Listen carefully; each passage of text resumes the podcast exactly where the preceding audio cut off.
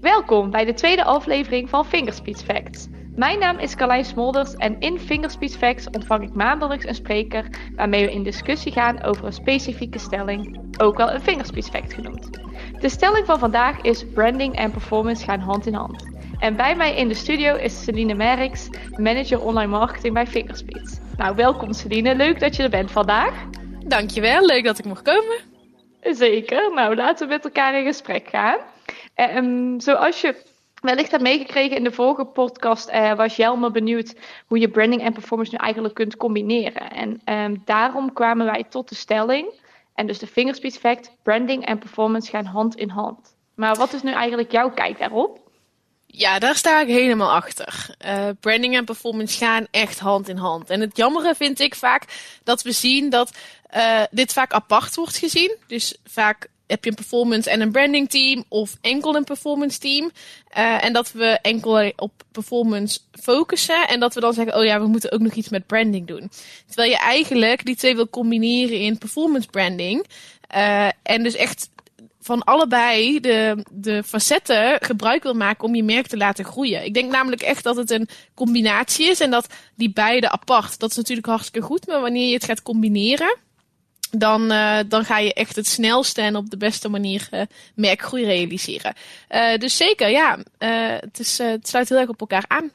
Dus kunnen ja, niet zonder en zit dan echt um, voor je als enkel een combinatie in team? Of, of hoe moeten we dat voor ons zien?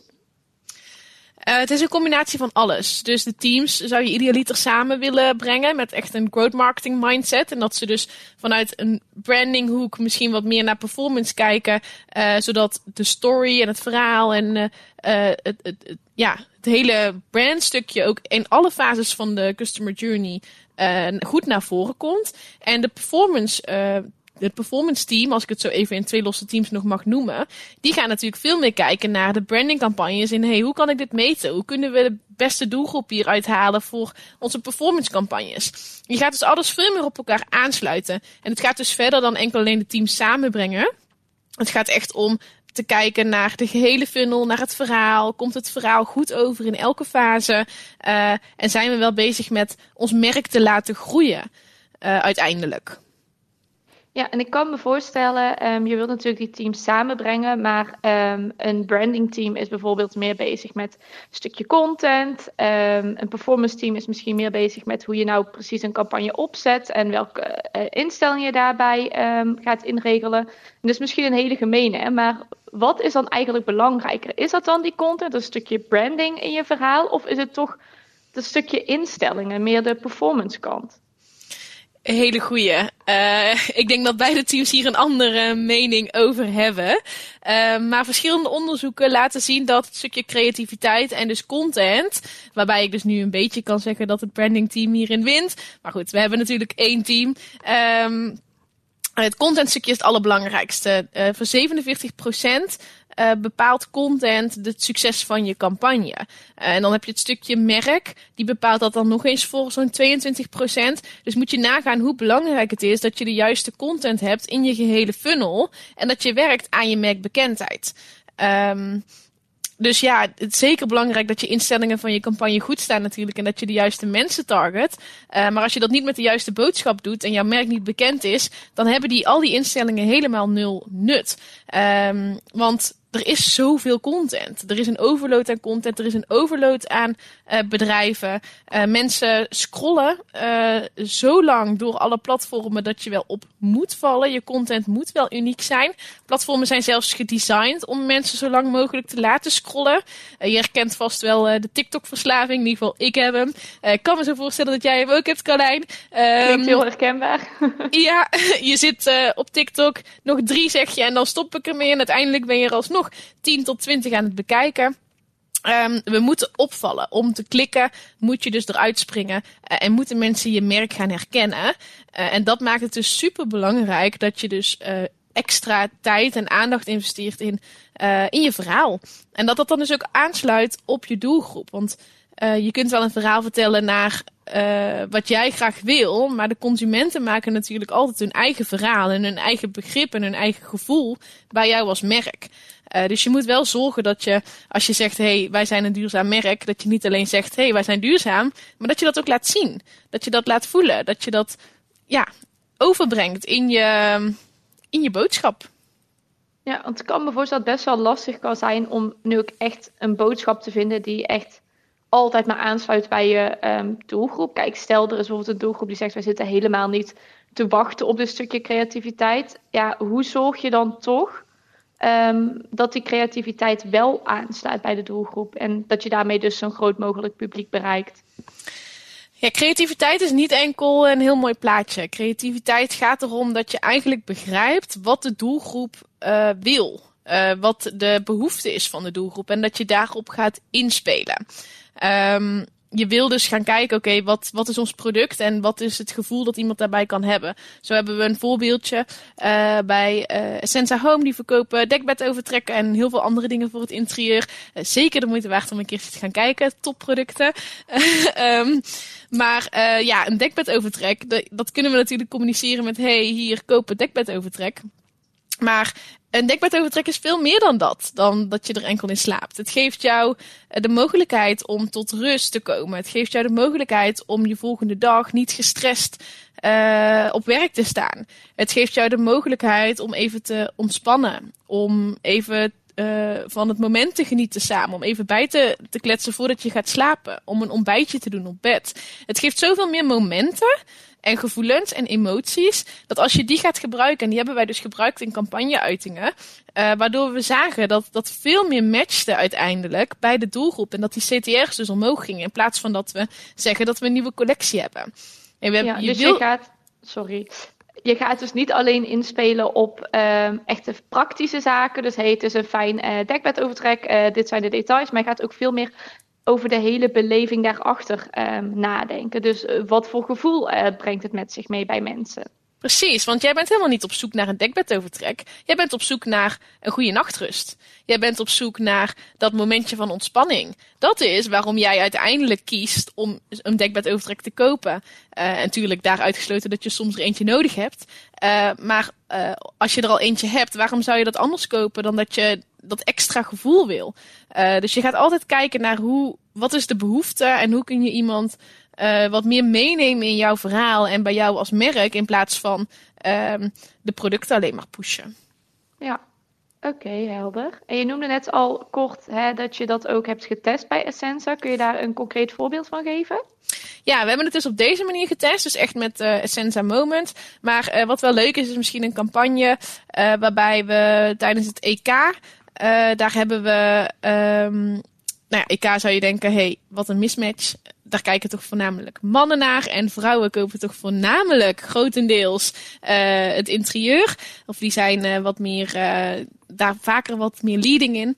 maar tijdens die campagnes hebben we, tijdens, tijdens het EK hebben we campagnes gedraaid op dus voetballiefhebbers. Waarbij we hebben gezegd, hey, slaap ook goed voor een, een belangrijke wedstrijd. Waardoor we dus veel meer hebben ingespeeld op die rust. Uh, en die stress die veel mensen ervaren. Want hoe Nederland moet spelen morgen.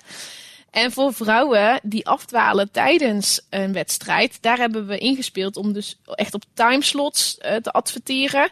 Uh, en veel meer te, te zitten op, hey, dwaal je af tijdens de wedstrijd, laat je dan eens inspireren door ons. En daarmee voelen mensen zich dus gehoord en alsof, alsof je begrepen wordt als consument eigenlijk. Ja, en eigenlijk ook wel leuk om te zien waar je dus niet eigenlijk alleen speelt in creativiteit uh, qua visual of qua copy, speel juist ook heel erg in creativiteit met de doelgroep. Dat blijkt hier weer uit. Precies, ja. Ja, leuk. Hey, en dit is bijvoorbeeld echt zo'n uh, out-of-the-box uh, voorbeeld, wat, wat je tegenwoordig misschien wel eens wat merken, is dat ook echt het type voorbeeld dat je nodig hebt om echt op te vallen. Uh, dus met een standaard uh, campagne kom je er misschien tegenwoordig niet meer helemaal. Maar hoe zorg je nou ook echt dat jouw merk daadwerkelijk opvalt tussen andere merken. Dit is bijvoorbeeld een voorbeeld van één campagne, maar zijn er nog andere dingen die je kunt doen om op te vallen? Ja, er zijn heel veel dingen. Het belangrijkste is dus creativiteit. Uh, en het gaat een stukje ook over uh, brand salience. Dus je moet een stukje. Uh, um, je moet een stukje ruimte creëren eigenlijk voor je merk om op te vallen. Uh, waardoor je dus verschillende tactieken kan doen. Je kunt dus investeren in storytelling, je kunt differentiatie, je kunt goed kijken naar kleuren die je gebruikt, beelden die je gebruikt. Er zijn heel veel verschillende tactieken eigenlijk. Maar het gaat erom dat je gaat kijken wat past bij mij als merk uh, en hoe zijn we anders dan anderen. Uh, hoe stralen wij uit wat we uit willen stralen? En zorgen we ervoor dat er dus uh, ja, dat mensen sneller aan ons denken en ons herkennen. Uh, geluid speelt daar bijvoorbeeld ook een heel grote rol bij. Je, je, je, weet vast zoals ik nu zeg, denk aan een reclame of een reclamedeuntje. dan, weet, dan springt er vast eentje bij je naar boven. En dat herken je ook meteen dan, of dat koppel je meteen aan dat merk. Ja, dat is wat geluid. Albertijn, Kruidvat. Ja. ja. precies. Geluid heeft een hele grote impact op ons uh, geheugen. Uh, misschien wel uh, groter dan beeld. dus je ziet nu ook, dat is ook echt een trend die dit jaar speelt, is dat we veel meer bezig zijn met geluid, sonic branding. En dat er een geluid wordt gekoppeld aan een merk of aan een campagne. Zodat je echt die herkenning krijgt van, ehm, ja, van dat merk. Ja, want je hebt het nu over een stukje merkerkenning ehm, en over geluid. Zijn er nog andere factoren die daar een hele grote rol in spelen in een stukje merkerkenning? Um, hoe bedoel je dit precies? Dus je had net bijvoorbeeld over geluid. Um, ik kan me voorstellen, er zijn ook bepaalde winkels die een uh, bepaalde geur met zich meedragen. Is dat ook iets wat bijvoorbeeld vooral in een stukje herkenning heel veel terugkomt? Ja, het is denk ik de totale ervaring. Hè? Uh, je kunt sowieso alle zintuigen zijn daarop belangrijk. Zintuigen, dat is de manier waarop we ons merk natuurlijk, uh, waarop we merken herkennen. Uh, we zien natuurlijk alle uh, content, wat ik net zei. We horen dingen. Ruiken, geuren kunnen er ook bij helpen, zeker. Um, het stukje AR, dat maakt het een beetje tastbaar misschien. Hè? AR en VR, dan kunnen we het iets meer voelen hoe iets is. Uh, dus ik denk zeker dat die zintuigen daar wel uh, impact op hebben, uiteindelijk. Ja, oké, helder. En uh, nou goed, ik kan me voorstellen dat iedereen denkt, oh super gaaf dit, hier willen we echt zeker mee aan de slag. Eh, maar goed, we hebben het hier niet voor niets natuurlijk over de combinatie van branding en performance. Dus ik kan me voorstellen dat vooral ook heel veel luisteraars denken van, oké, hoe kun je dat nou meten? Um, kun je daar ehm, wat meer over vertellen, Celine? Hoe zou je dan ook echt die effectiviteit daarvan kunnen meten? Ja, zeker. Want heel vaak wordt gezegd, branding, dat is niet meetbaar. Uh, dus daarom gaan we er niet in investeren. Uh, we, houden het lekker op uh, onze performance campagnes, waarbij we meteen direct resultaat zien. dat is niet waar. Je kunt branding zeker wel meten. je hebt natuurlijk de betaalde onderzoeken, marktonderzoeken die je kan doen, waarbij je vaak een 0 en een 1 meting doet. maar je kunt ook heel veel met first party data bijvoorbeeld. Of met je channel data. Uh, zo zou je bijvoorbeeld kunnen kijken naar uh, de CTR van je campagne, van je branded campagnes, of die toeneemt op het moment dat je wat meer naamsbekendheid campagnes doet. Zie je in de afgelopen tijd een toename in je CTR, dan kan dat dus leiden dat mensen sneller, uh, dat kan je dat terugleiden naar het feit dat mensen misschien sneller je merk herkennen. En dus sneller klikken op die advertentie om uiteindelijk meer, te zoeken, meer erover te zoeken. Dus dat, dat kan dan een indicator zijn van brand growth. Um, direct verkeer heb je natuurlijk wat je kan uh, meten, impressies. Uh, maar je zou ook bijvoorbeeld kunnen kijken naar share of, of search. Um, share of voice en share of market zijn misschien termen die, uh, die mensen wel bekend voorkomen. Um, onderzoek laat zien dat share of voice eigenlijk gelijk staat aan share of market. Nu gaan we een beetje in lastige begrippen praten, maar ik hoop dat iedereen me nog kan volgen of dat jij me nog kan volgen. Um, maar dit zijn wel hele belangrijke indicatoren als je het hebt over merkgroei. Um, wat ik net zei, share of voice is gelijk aan share of market. Hoe harder je roept, hoe, uh, hoe groter je marktaandeel is. Dat is ook op de, uh, ja, ik vergelijk het altijd met een markt. Uh, als je naar een markt gaat, vrijdagmiddagmarkt of vrijdagochtendmarkt of zaterdag zondagmarkt, maakt niet uit. Je gaat erheen en je hoort verschillende marktlieden al schreeuwen over een kraampje. En bij de grootste of de hardst schreeuwende, daar staat de langste rij. Um, het staat een beetje gelijk aan deze deze uh, vergelijking, de share of voice, hoe harder je schreeuwt, uh, is gelijk aan share of market. Hoe meer uh, marktaandeel je hebt. Hoe harder die marktlieden schreeuwen, hoe meer mensen er bij hun tentje staan. Terwijl er meerdere groentekraampjes staan. en als je dus zo'n, nou denk je, oké, zo'n share of voice, share of market calculatie kan ik natuurlijk nooit zelf maken. Is ook vrij lastig, zal ik je vertellen. want daar heb je gewoon wel veel marktdata voor nodig. Maar wat je wel kan doen, is dan kijken naar um, of je je share of voice wat meer kan berekenen uh, in share of searches. Um, wanneer je gaat kijken naar hoe de zoekopdrachten rondom jouw merknaam zijn, uh, die, we zien eigenlijk onderzoeken laten zien dat jouw share of search gelijk staat ook aan je share of market. Dus als jij ziet dat er meer gezocht wordt op jouw merknaam, dan kun je dus stellen dat je ook wat meer marktaandeel hebt gepakt. Dus ga eens duiken in Google Trends, kijk in je uh, zoekanalyse tool uh, hoe het daarmee staat en of je daar een trendlijn in ziet en of je een stijging ziet in, in je branded zoekopdrachten. En want dat laat dus eigenlijk zien dat je share of market dan ook is toegenomen daarin. Dus zo zijn er best wel wat losse manieren om het te meten. Um, ik, we hebben daar wel een, een wij hebben bij Fingerspits een, uh, een model gemaakt daarvoor. Uh, die zou je kunnen downloaden, of die kun je denk ik wel volgens mij opvragen. Ja. Klopt dat? Ja, stuur dan ook vooral um, gerust eventjes een mailtje naar mij, uh. Dan kan ik hem je sowieso eventjes toesturen. Tof, ja, die, die legt eigenlijk helemaal uit uh, welke stappen er zijn in de customer journey. Van uh, begin tot eind, van bovenaan in de funnel tot onderaan in de funnel. Uh, welke metrics je in welke fase kan gebruiken. En welke bronnen je kan gebruiken om dan uiteindelijk ook die dingen te meten. En dus hoe je de awareness fase kan meten. En de awareness fase is weer op te delen in zichtbaarheid en mentale beschikbaarheid. Nou, en zo hebben we heel die funnel, heel die customer journey verder uitgewerkt. Ja, je had het net al eventjes erover, um, Celine, dat je bijvoorbeeld kan kijken aan de hand van het aantal zoekresultaten. Van, goh, hè, um, wat, wat is nu eigenlijk het resultaat. Hè? Dus dat je het aan de hand daarvan kan meten. Uh, maar ik kan me ook voorstellen dat er veel organisaties zijn die juist heel erg die combinatie van online en offline um, opzoeken. Heb je daar ook een voorbeeldje van? Dus hoe zou je bijvoorbeeld jouw offline branding of resultaten terug kunnen berekenen en kijken wat je daaruit haalt? Ja, online, offline is natuurlijk uh, uh, een grote vraag bij heel veel uh, bedrijven. Um, je hebt verschillende dingen die je kan doen. Je hebt natuurlijk ROPO, het ROPO-effect, waarbij je online onderzoek doet en uiteindelijk offline koopt. Nou, daar kan, zou Jelmer vanuit de vorige podcast je natuurlijk hartstikke veel over kunnen vertellen vanuit data en automation. Mijn kennis echt technisch daarvan is iets minder. maar wat ik wel bijvoorbeeld weet, is dat je ATL-campagnes, wat ook redelijk offline is natuurlijk die zou je ook kunnen meten. Uh, of in ieder geval, die hebben wij meetbaar kunnen maken deels.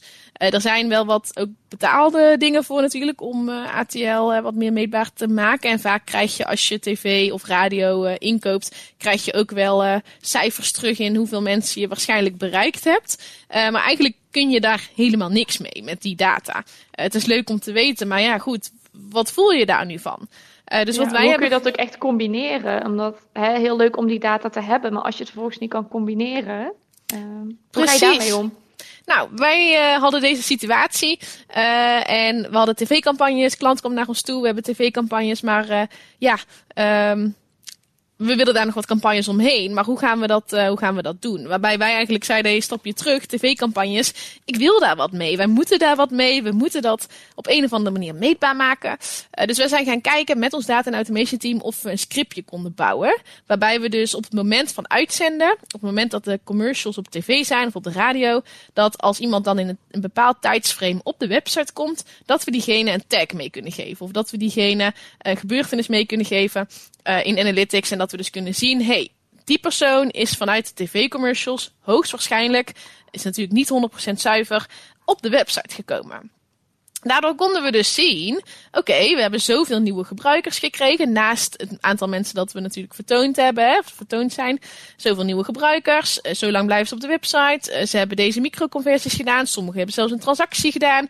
Na een week komen ze nog een keer terug. We hadden heel veel inzicht in, uh, uiteindelijk op, in de doelgroep die vanuit tv of radio of ATL in het algemeen op de website is gekomen. En het toffe daarvan is, is we kunnen dat ook nog eens doorschieten naar allerlei andere kanalen. Google Ads, Facebook, uh, Pinterest, um, noem maar op.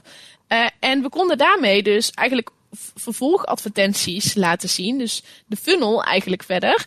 Uh, waardoor we die mensen veel warmer konden maken om uiteindelijk die uh, aankoop te doen. Nou, je kunt ook lookalike audiences maken van die doelgroepen. Nou, hier kan ik uren over doorpraten. Uh, het gaat erom dat um, je eigenlijk wil dus, je wil dus altijd kijken, oké, okay, we hebben offline en online, we hebben ATL, we hebben performance campagnes, we hebben branding en performance. Hoe kunnen we alles meetbaar maken en hoe kunnen we alles op elkaar aansluiten? Om dus die brand growth te, te realiseren. Nee, super interessant. Klinkt ook als een hele mooie case. En um, goed inderdaad om te zien dat daar ook mogelijkheden voor zijn. Um, voor nu zit onze tijd er helaas alweer op, Celine. Um, dus het gaat sneller voorbij dan je verwacht. Het vliegt voorbij. Ik kan hier nog uren over praten. nou, daar moeten we misschien wel een keer een losse podcast aan wijden dan. Uh, lijkt me leuk. Maar ik wil jou in ieder geval bedanken voor je input, Celine. Ik uh, hoop in ieder geval dat de luisteraars hierdoor weer een... Uh, hoop nieuwe inspiratie op hebben kunnen doen. En uh, we hebben nog een leuk extraatje voor jullie. En dat is namelijk onze nieuwe whitepaper over brand growth. Dus denk je nou naar aanleiding van deze podcast, hey, daar wil ik graag meer over weten, dan meld je aan voor onze Growth Lab, um, waar je dus de Brand Growth Whitepaper kan vinden. Um, heb je dan nog vragen? Ik heb het al even genoemd. Neem dan gerust contact met ons op. Dat kan dus via carlijn.fingerspeech.nl en dan kijken we graag met je mee naar de mogelijkheden. Dan um, staat mij voor nu alleen nog um, de volgende mededeling. Um, en dat is dat we over een maandje alweer de volgende podcast op de planning hebben staan. Die keer in het teken van uh, social media. En uh, dan zal Angelique Fijneman, onze lead social, bij mij aanschuiven. En ik ben natuurlijk vanuit jou weer heel benieuwd, Celine. Wat zou jij graag in de volgende podcast willen horen? Ja, ik heb daar heel goed over nagedacht. Want uh, nou, social, daar hou ik natuurlijk ook van. um, maar wat mij de laatste tijd wel uh, bezighoudt, is het stukje B2B marketing. We zetten daar heel snel uh, LinkedIn voor in, wat natuurlijk logisch is. Maar ik ben ook wel benieuwd hoe je nou echt een goede social strategie opzet voor uh, B2B partijen. En daar misschien ook nog andere social media kanalen voor uh, kan inzetten. Facebook heeft minder targeting opties. Um, dat, daar zijn ze allemaal mee bezig natuurlijk. Dus ik ben heel benieuwd hoe Angelique daarover denkt. En uh, um, ja, wat daaruit gaat komen. Ja, dus meer hoe je daar ook mee om kan gaan en daarop kan inspelen op de andere platformen dan uh, LinkedIn eventueel. Precies. Oké, okay, nou super. Ik ga het zeker aan Angelique voorleggen. Dan komen wij hier volgende maand mee terug met een nieuwe podcast. En ik wil jullie allemaal heel erg bedanken voor het luisteren. Doei!